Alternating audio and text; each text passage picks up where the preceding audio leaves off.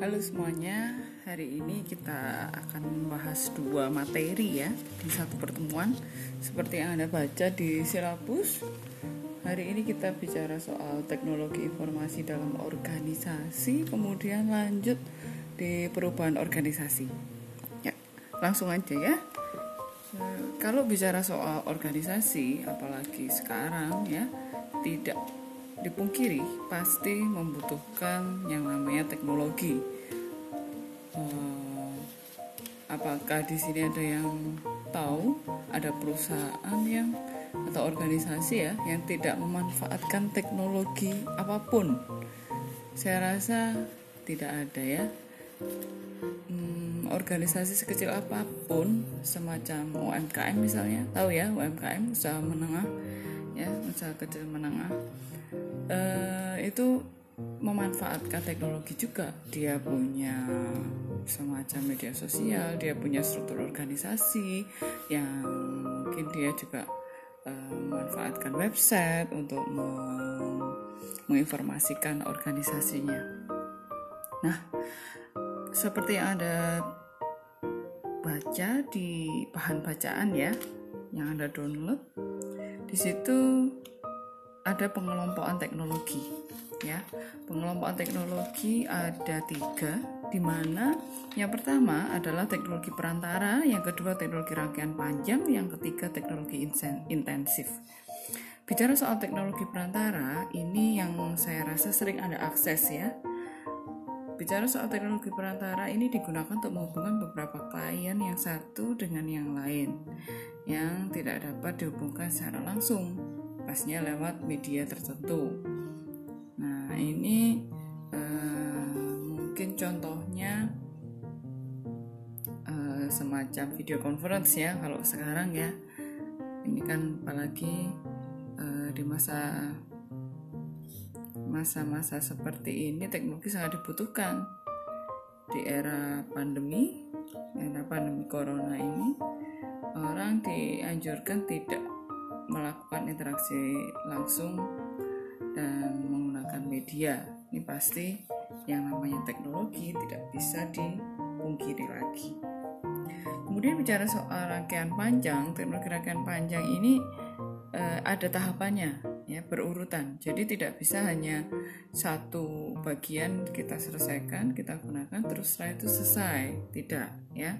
Jadi ada tahapannya yang semuanya ada urutannya. Sampai akhirnya eh, produk tersebut siap digunakan. Ya, jadi ada rangkaian panjang teknologinya. Kemudian yang ketiga ada teknologi intensif. Oh ya kalau yang kedua tadi teknologi rangkaian panjang mungkin kalau bisa saya contohkan biasanya di perusahaan-perusahaan atau uh, ini ya yang sifatnya dia memproduksi barang barang-barang tertentu misalnya mobil motor gitu ya. Tahapannya ada panjang sekali. Pasti ada yang uh, bagian checking ban dulu atau rantai atau mesinnya dan sebagainya ya ada tahapannya. Kemudian yang ketiga teknologi intensif. Teknologi ini kumpulan dari beberapa jenis pelayanan khusus. Biasanya yang yang namanya intensif ini uh, lebih digunakan untuk customer secara lebih intens. Artinya uh, lebih apa ya mendampingi, mendampingi customer uh, lebih uh, detail lagi. Mungkin ada yang di sini pernah melakukan laporan pajak ya. Kalau laporan pajak itu walaupun uh, ada laporan pajak online, tapi anda juga diberikan fasilitas untuk datang langsung ke kantor pajak. Ada teknologi juga di sana yang membantu memberikan pendampingan lebih intensif walaupun juga ada uh, petugas yang membantu menjelaskan. Jadi teknologi intensif ini rangkaiannya panjang di mana lebih pada pendampingan klien ya atau customer. Oke, lanjut di pemanfaat pemanfaatan teknologi organisasi. Nah, di sini ada tiga kategori, yaitu perbaikan efisiensi, efektivitas, dan improvement. Seperti yang kita tahu, di masa pandemi ini yang kita alami ya uh, yang saya contohkan yang dekat aja dengan anda. Misalnya saja Widya Mandala. Dulu sebelum pandemi kita terbiasa kuliah offline. Kita ketemu di kelas kita diskusi di kelas ada tanya jawab di sana ya ada interaktif di sana. Setelah pandemi kita kuliahnya dengan format online. Nah, kenapa? Ini juga mempertimbangkan efisiensi, di mana pemanfaatan teknologi informasi diukur dengan penurunan waktu dan biaya juga. Artinya dulu kalau Anda harus ke kampus, ke WM, itu Anda harus mengeluarkan biaya misalnya biaya bensin ya. Sekarang biaya bensin Anda alihkan untuk membeli kuota. Seperti itu kan lebih efektif ya di masa pandemi seperti ini. Kemudian yang kedua, perbaikan efektivitas. E, di sini efektivitas itu pemanfaatan teknologi informasi yang e, ada di level manajerial di mana ini dipertimbangkan untuk kemudahan dan kecepatan memperoleh uh, target ya dari organisasi. Misalnya seperti Anda ketahui, uh, sekali lagi ya saya contohkan di kampus kita sendiri Widya Mandala. Di kampus WM ini dulunya kita uh, di semester sebelumnya ya di awal-awal pandemi kita bebas menggunakan uh, metode ajar apa pun ya terserah tapi semakin ke sini uh, semua ya semua semua tenaga pengajar yaitu dosen itu diwajibkan menggunakan Bella. Bella pun juga mengalami perbaikan sesuai dengan kebutuhan untuk mempertimbangkan ini tadi ada perbaikan efektivitas. Sejauh mana efektivitas ini bisa dimaksimalkan ketika menggunakan Bella itu terus-menerus dievaluasi. Oleh karena itu, sebelum-sebelumnya di semester kemarin Anda juga diminta untuk memberikan uh, ini ya kritik dan saran semacam itu. Di sini kalau saya contohkan Bella pasti ya dengan adanya Bella proses meng, uh, ini ya kegiatan belajar mengajar pasti juga jauh lebih baik. Di mana pemanfaatan teknologi ini ketika menggunakan Bella akan dirasa mudah dan juga cepat sehingga target dari Widya Mandala sendiri untuk memberikan kuliah online itu bisa diukur ya. Seperti itu. Kemudian yang ketiga strategic improvement. Di mana ini memanfaatkan teknologi untuk memperbaiki daya saing. Nah ini pastinya juga Widya Mandala mempertimbangkan. Kalau kita menggunakan Bella dengan sistem seperti ini apakah sudah juga memenuhi kebutuhan di semester lalu kita kesulitan menggunakan Zoom gitu ya. Tapi sekarang dengan adanya Bella kita lebih aman karena Bella juga terintegrasi dengan Zoom seperti itu. Jadi uh, dirasa mudah, lebih mudah dan juga dirasa lebih efektif ya sehingga uh, di mana improvement ini benar-benar dibutuhkan untuk memperbaiki daya saing tadi ya jangan sampai Widya Mandala juga kalah dengan kampus lain. Kalau kalah dengan kampus lain Anda sebagai mahasiswa pasti ya ketika kita merasa kurang puas pasti kita melirik ya melirik tetangga. Oke. Kemudian kita bicara soal peranan teknologi informasi dalam organisasi. Nah, ini kita bagi menjadi beberapa bagian ya ada lima tipe dan fungsi peranan teknologi di mana yang pertama ada operasional, yang kedua monitoring control, yang ketiga planning dan decision, dan yang keempat communication, yang kelima interorganisasional. Yang pertama bicara soal operasional.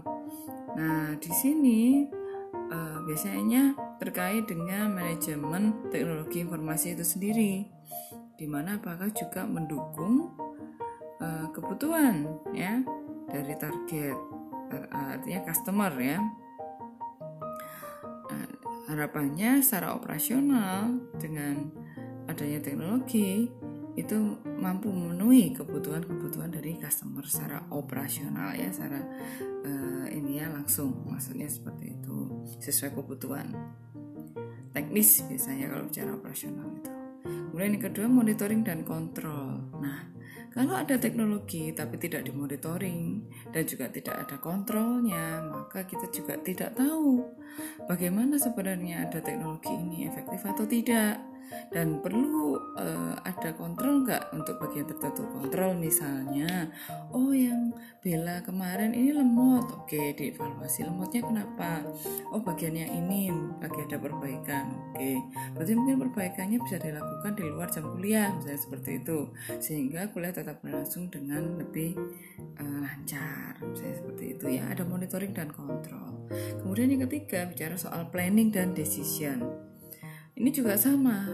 Dalam uh, menyusun ya bukan uh, lebih tepatnya ya dalam memilih teknologi yang akan kita gunakan tentunya juga kita mempertimbangkan perencanaan ya. Perencanaan ke depannya seperti apa? Jangan-jangan uh, kita hanya terlalu ini ya terbuai dengan teknologi yang saat ini kebutuhannya misalnya sekarang kan yang lagi ngetren kan teknologi A dan B misalnya seperti itu ya.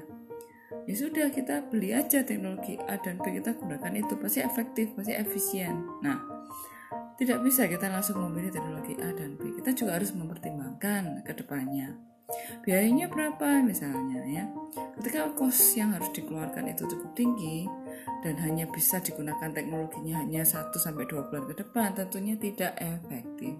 Akan lebih efektif ketika dengan biaya yang dikeluarkan cukup tinggi itu juga bisa digunakan lebih lama sehingga lebih efektif seperti itu ya.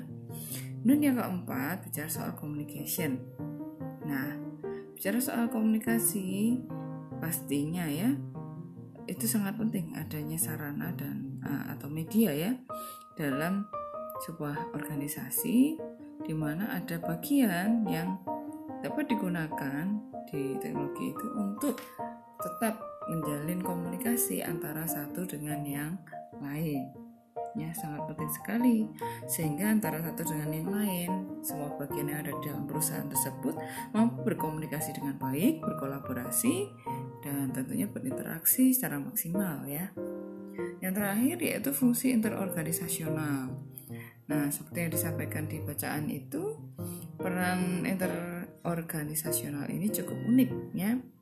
Karena uh, sebuah perusahaan itu uh, akan sebaiknya memilih teknologi itu juga mempertimbangkan adanya uh, pandangan. Jadi istilahnya masa depan ya. Masa depan kan uh, eranya era kalau dulu kita sebutnya globalisasi ya. Jadi kita juga harus bisa dan beradaptasi istilahnya ya.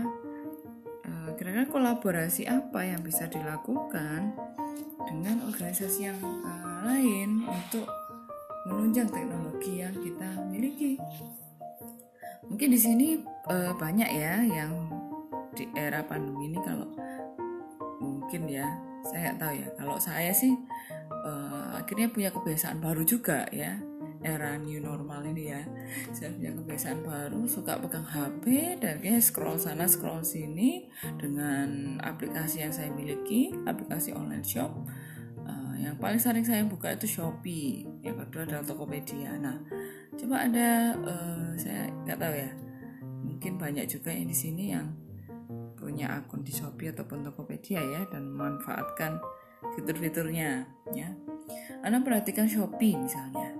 Shopee ini eh, semakin hari dia selalu melakukan perubahan ya. Entah apa pun itu. Misalnya flash sale atau enggak dia Shopee live-nya seperti apa. Kemudian dia uh, kira-kira ada promo-promo apa juga uh, dia ada games juga ya di mana kesemuanya itu menuntut kita untuk rajin-rajin buka-buka Shopee ya. Selain itu dia juga mengajak ya menggandeng kerjasama juga ya.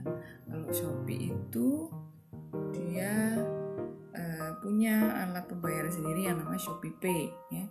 Sehingga beda dengan Tokopedia. Kalau Tokopedia dia menggandeng OVO. Nah ini yang namanya uh, fungsi kolaborasi menjalin kemitraan. Ya. Shopee sendiri walaupun di alat pembayarannya Shopee Pay dia juga menjalin kemitraan dengan beberapa merchant. Dengan bank juga dia bisa ini ya uh, Shopee Pay Later macam itu. Kemudian kalau bicara Tokopedia nah berkolaborasi dengan OVO ini juga menarik ya karena banyak juga promo-promo juga diskon yang ditawarkan ketika kita melakukan pembayaran dengan OVO. Berupa cashback ataupun uh, voucher misalnya seperti itu. Untuk istilah dari produk teknologi dalam organisasi kan dibagi menjadi enam ya. Itu bisa kita lewati karena sebenarnya tidak bersinggungan langsung dengan komunikasi ya. Kemudian bicara soal penerapan teknologi pada bagian-bagian organisasi di mana uh, ada dua dimensi dari kegiatan kerja dalam penerapan teknologi. Yang pertama adalah variasi tugas dan yang kedua prinsipnya adalah kemudahan analisis. Dua ini saja yang uh, jadi fokus Anda. Di mana yang pertama variasi tugas ini mempertimbangkan uh, beberapa hal yang mungkin ya ada hal-hal tak terduga yang muncul. Sehingga uh, istilahnya menjadi kendala sebuah kendala yang harus diatasi ketika seseorang akan menyelesaikan pekerjaan mereka ya. Jadi hmm, variasi tugas ini juga untuk sebagai bagian dari kontrol ya kalau uh, masing-masing divisi punya tugas tertentu dan itu sudah ada teknologinya untuk memfasilitasi tugas-tugas tersebut dan Bagaimana kita bisa mengevaluasi apakah eh, tugas-tugas tersebut atau teknologi yang digunakan itu sudah bisa mengakomodasi tugas-tugas yang memang dimiliki oleh masing-masing divisi. Bagaimana cara mengevaluasinya? Nah ini menggunakan dua uh, dimensi yang kedua yaitu kemudian analisis. Nah, teknologi yang pertama yang tadi yang berupa variasi itu itu memang uh, ini ya mau tidak mau menjadi bagian dari uh, penerapan teknologi itu sendiri. Ketika kita menggunakan teknologi, yang pasti kita harus punya variasi.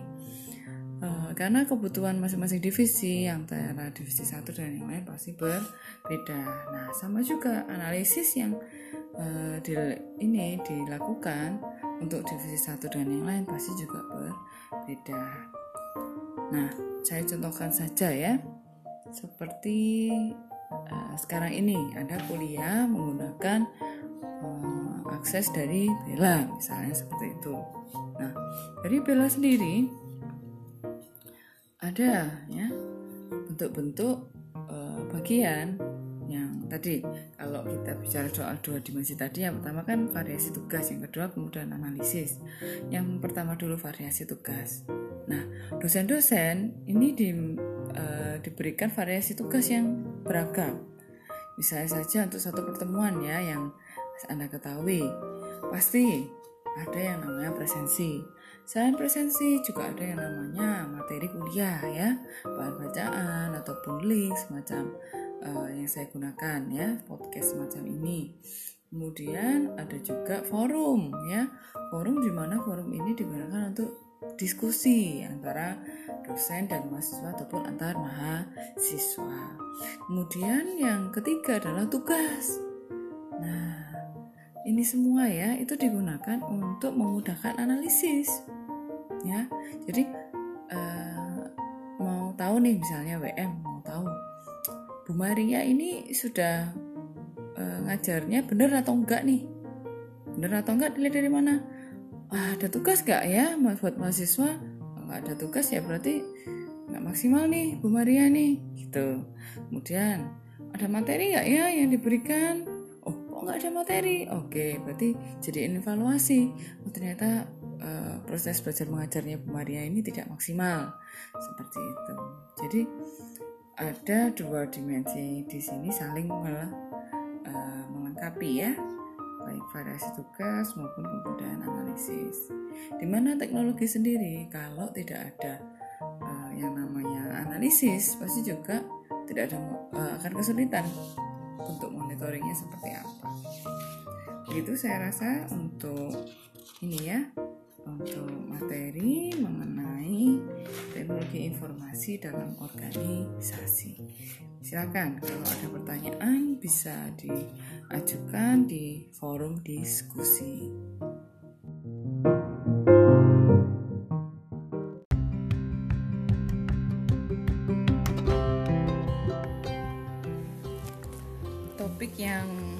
Kedua adalah perubahan organisasi.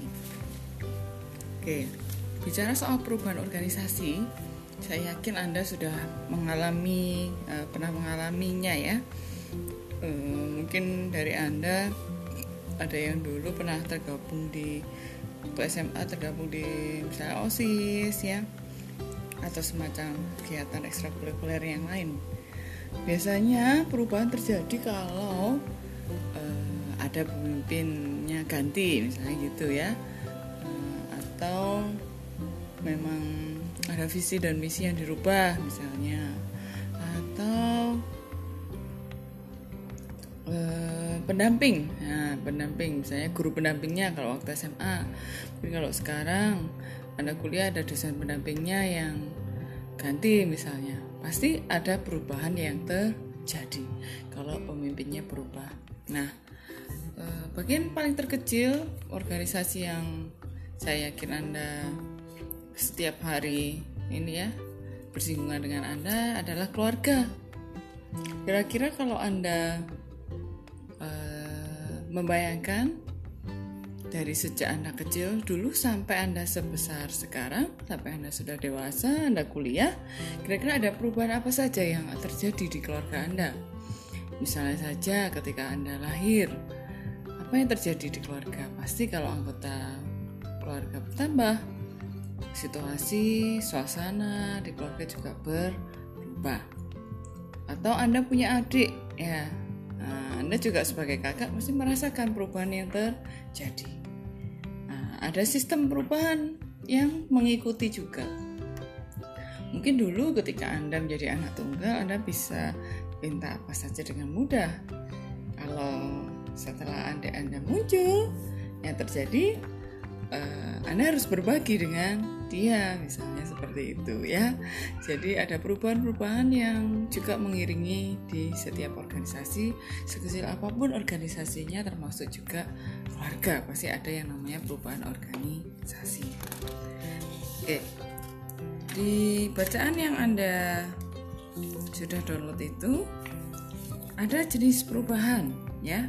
Ada di situ disampaikan ada dua jenis perubahan. Yang pertama adalah perubahan revolusioner, yang kedua adalah perubahan evolusioner. Apa bedanya dari kedua ini?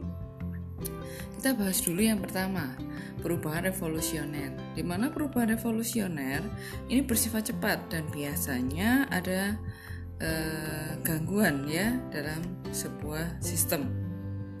Biasanya yang eh, ini ya perubahan ini biasanya terjadi uh, biasanya kalau yang nama revolusioner yang namanya revolusioner ini semua ya semua bagian itu terkena dampaknya sekecil apa pun misalnya saja uh, perubahan visi. Coba anda bayangkan Widya Mandala yang sekarang saya contohkan yang paling dekat lah dengan anda yaitu Widya Mandala. Kampus WM sekarang yang uh, anda kuliah di sini anda coba bayangkan gedungnya apa yang anda bayangkan dari gedungnya? Ini kita bicara soal kampus WM yang di Noyo ya bukan yang Kalijudan ataupun yang Pakuwon ya. Kita bicara yang di Noyo dulu. Coba Anda bayangkan dengan kampus batu batanya, kemudian Anda masuk ke plaza, kemudian Anda uh, lewat di gedung A, Anda melihat uh, ada lift di sana, lift gedung A kelihatan modern ya. Dan Anda masuk, masuk lift, Anda menuju ke lantai 3 misalnya. Anda pilih kelas Anda. Anda cek di sana uh, Kalau gedungnya gedung A terasa lebih modern tentunya ya. Tapi kalau Anda masuk di gedung B terasa lebih klasik. Nah, saya bilang klasik karena sangat berbeda ya antara gedung A dan gedung B karena memang riwayat pembangunannya pun juga berbeda. Coba Anda bayangkan lagi ketika Anda masuk kelas, apa yang ada di sana? Ada LCD tergantung di atas ya, di bagian atas, kemudian ada whiteboard di sana, ada kursi kuliah. Nah, coba Anda bayangkan kursi kuliah yang ada di gedung B. Nah, biasanya di gedung B kan kursi kuliahnya kayu ya, uh, overall kayu, beda dengan gedung A. Gedung A kursinya jauh lebih minimalis ya, lebih modern bukan dari kayu. Pernah nggak Anda bayangkan kuliah di Widya Mandala dengan fasilitas kelasnya seperti itu? Ya, apakah Anda membayangkan kelas Anda seperti di Korea-Korea, film-film Korea itu, ya? Atau Anda membayangkan kelas Anda seperti di uh, mungkin di film Barat, ya? Atau memang bayangan Anda seperti yang sekarang? ya, Pasti macam-macam ya bayangan dari Anda. Nah, kalau Anda perhatikan situasi Mandala yang saat ini, ketika misalnya ya berubah visi misinya menjadi kampus teknologi, kira-kira apa yang terjadi? Apakah Anda akan tetap menemui kampus eh, menemui ruangan seperti gedung B yang mungkin terkesan klasik? Dan apakah Anda juga tetap menemui LCD di sana tergantung di bagian atas? Apakah juga akan menemui kursi kayu ya full kayu yang seperti di gedung B? Kalau kampus BM ini visi misinya berubah menjadi kampus teknologi. Kampus teknologi tinggi misalnya. Saya rasa pasti juga akan mengikuti semua fasilitas dan juga bentuk gedungnya ya. Menyesuaikan dengan visi dan misi. Tentunya ketika um, Yuda Mandala sepakat mengganti visi dan misinya kampus teknologi tinggi tentunya juga mulai dari depan teknologi yang digunakan oleh kampus pun juga teknologi tingkat tinggi ya. Jadi apa pun itu bahkan kursinya pun mungkin sudah touchscreen gitu ya. Jadi misalnya awalnya cuman uh, jadi dilipat rapi tapi ketika disentuh itu langsung uh, ini ya membentuk kursi untuk bisa kita duduki misalnya seperti itu. Jadi semua berbau teknologi. Kemudian yang kedua uh, oh ya intinya uh, saya ingin sampaikan bahwa yang nama yang namanya perubahan evolusioner itu biasanya uh, sangat signifikan sekali ya merubah seluruhnya jadi bukan sebagian saja.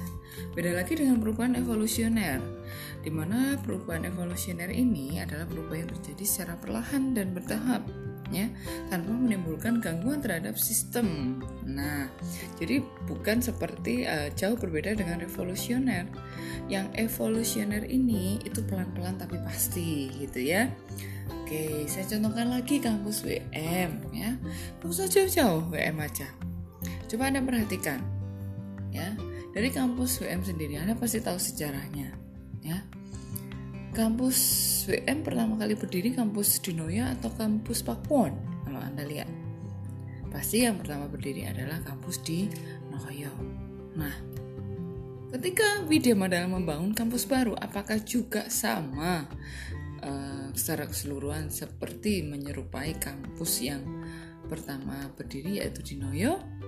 tentunya berbeda ya seperti yang anda lihat di kampus Pakuan saat ini apalagi sudah ada auditorium yang uh, mungkin ada dari anda yang tahu ya dan mungkin ada uh, istilah yang lagi ngetren untuk menyebut auditorium kampus Pakuan yaitu kak ini ya gedung Avenger katanya gitu emang keren sekali ya jadi jauh berbeda dibanding dengan gedung Widya Mandala yang lain yaitu di Noyo ataupun Kalijudan sangat-sangat berbeda karakteristiknya. Nah, di sini yang perubahan terjadi apakah dengan uh, Widya Mandala memiliki gedung audit di kampus Pakuwon itu merubah banyak hal?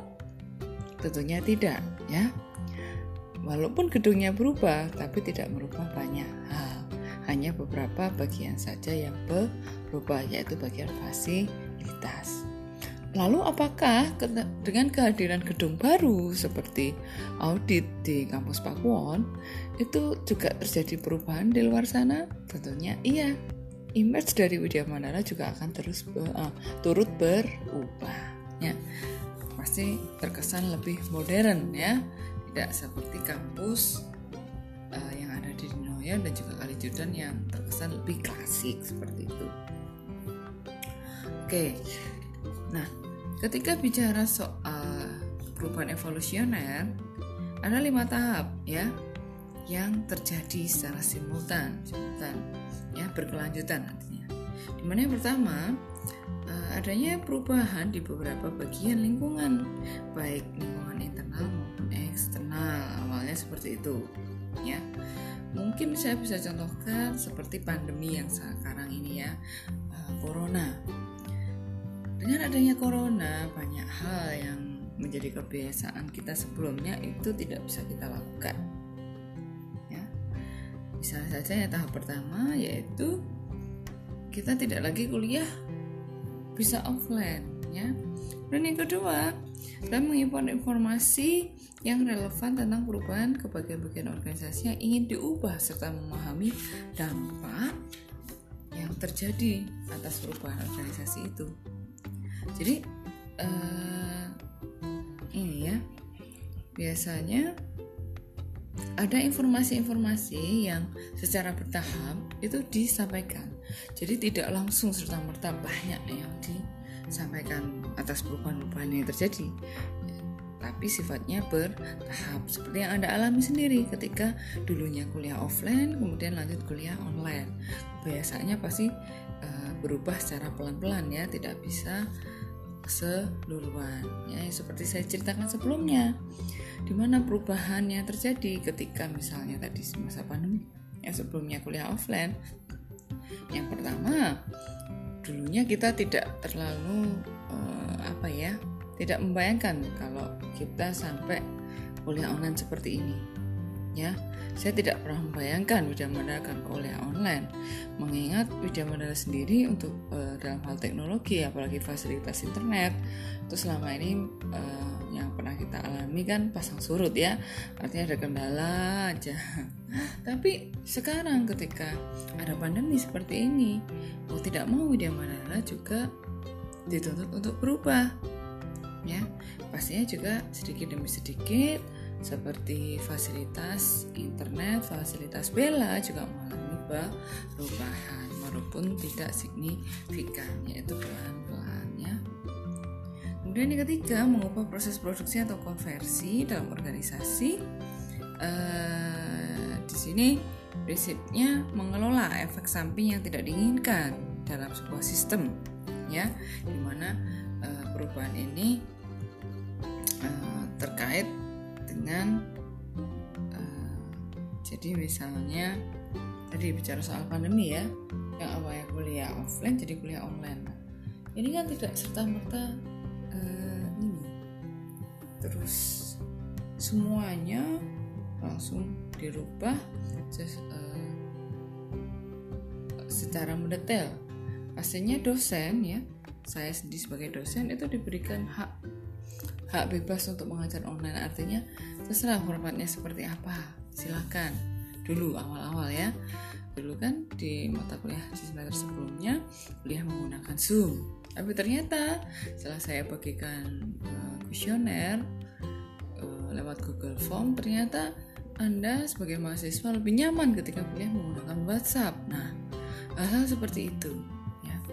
Jadi semuanya bertahap. Tidak bisa langsung di seperti sekarang. Jadi kuliah harus pakai bela.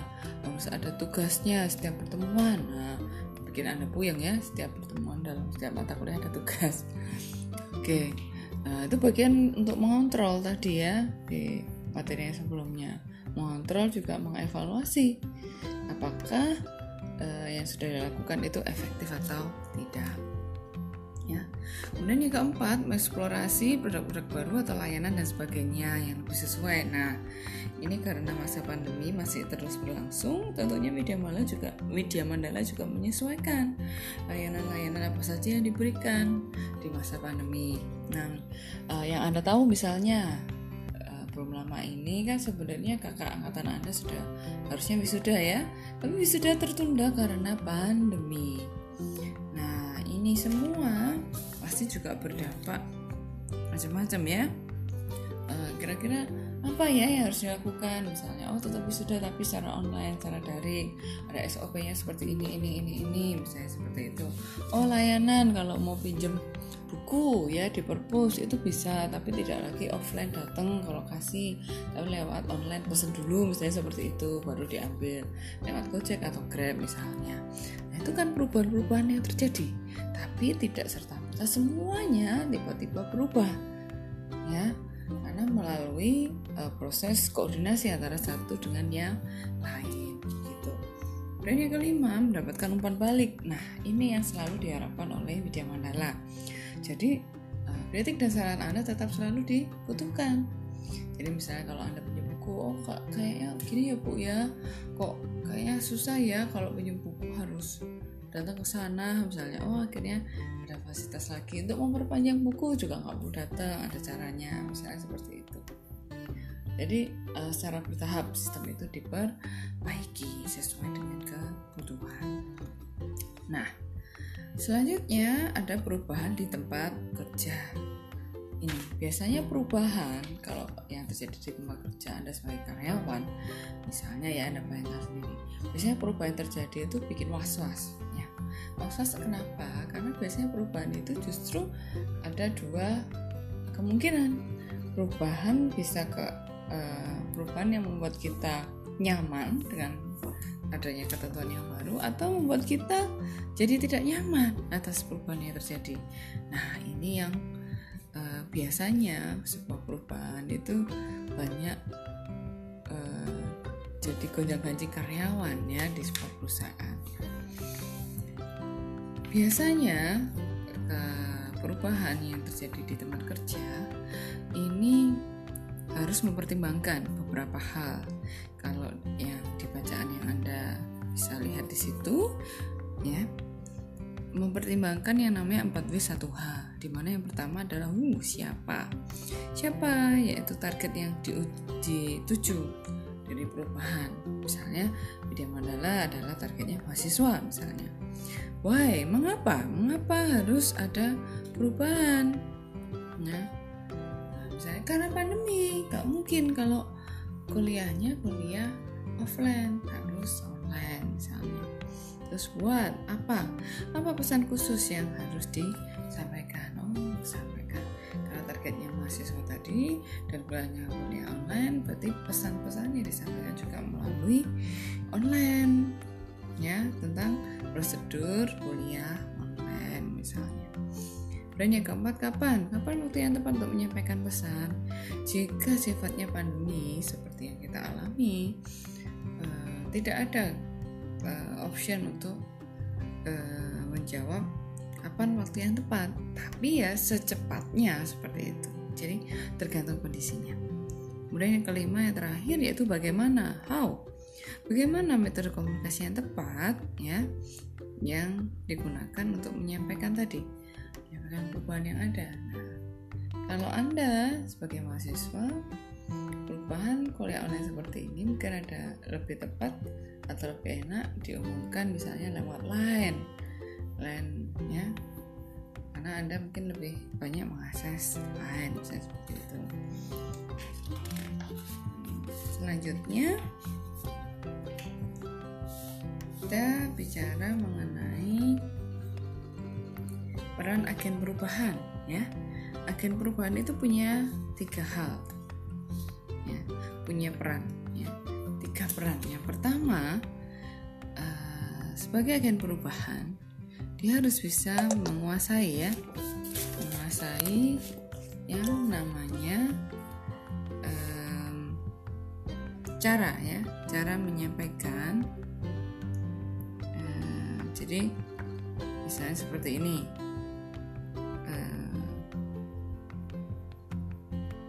Menguasai komunikasi dan partisipasi itu misalnya ada karyawan yang merasa bahwa aduh nggak usah nih nggak usah ada perubahan deh. Terus kayak kemarin-kemarin aja kan sudah enak sudah nyaman sudah biasa. Nah di sini agen perubahan fungsinya itu bisa memberikan uh, pendapat seperti ini. Loh kalau kita tidak berubah terus gimana? Nggak mungkin loh kita gini terus nanti nggak ada kemajuan dong kalau kita terus ada merasa bahwa metode yang kemarin metode metode yang lama itu uh, fine fine aja. Jadi ya kita nggak akan berkembang ya segini-gini aja misal. Jadi perubahan itu penting perubahan itu perlu saya seperti itu. Ya untuk menambah semangat ya. kemudian yang kedua memfasilitasi proses perubahan. Nah ini biasanya agen perubahan ini dia memiliki uh, memiliki kemampuan untuk bisa mengatasi perubahan, eh, mengatasi masalah-masalah yang muncul atas perubahan yang terjadi. Misalnya ada yang keluhan A, B atau C, biasanya agen perubahan itu langsung ya sudah sini saya berikan solusi ya atau saya dampingi sini saya bantu. Oke, maksudnya seperti ini loh. Nah, seperti itu ya. Contohnya yang diberikan. Dan yang ketiga menciptakan sebuah visi. Nah, visi ini penting yang saya bilang di awal tadi. Kalau uh, sebuah perusahaan memiliki visi yang baru maka wajibnya agen perubahan memberikan inspirasi dan energi. Istilahnya uh, harus benar-benar dicontohkan oleh pimpinannya sehingga karyawannya juga mengikuti. Maksudnya seperti itu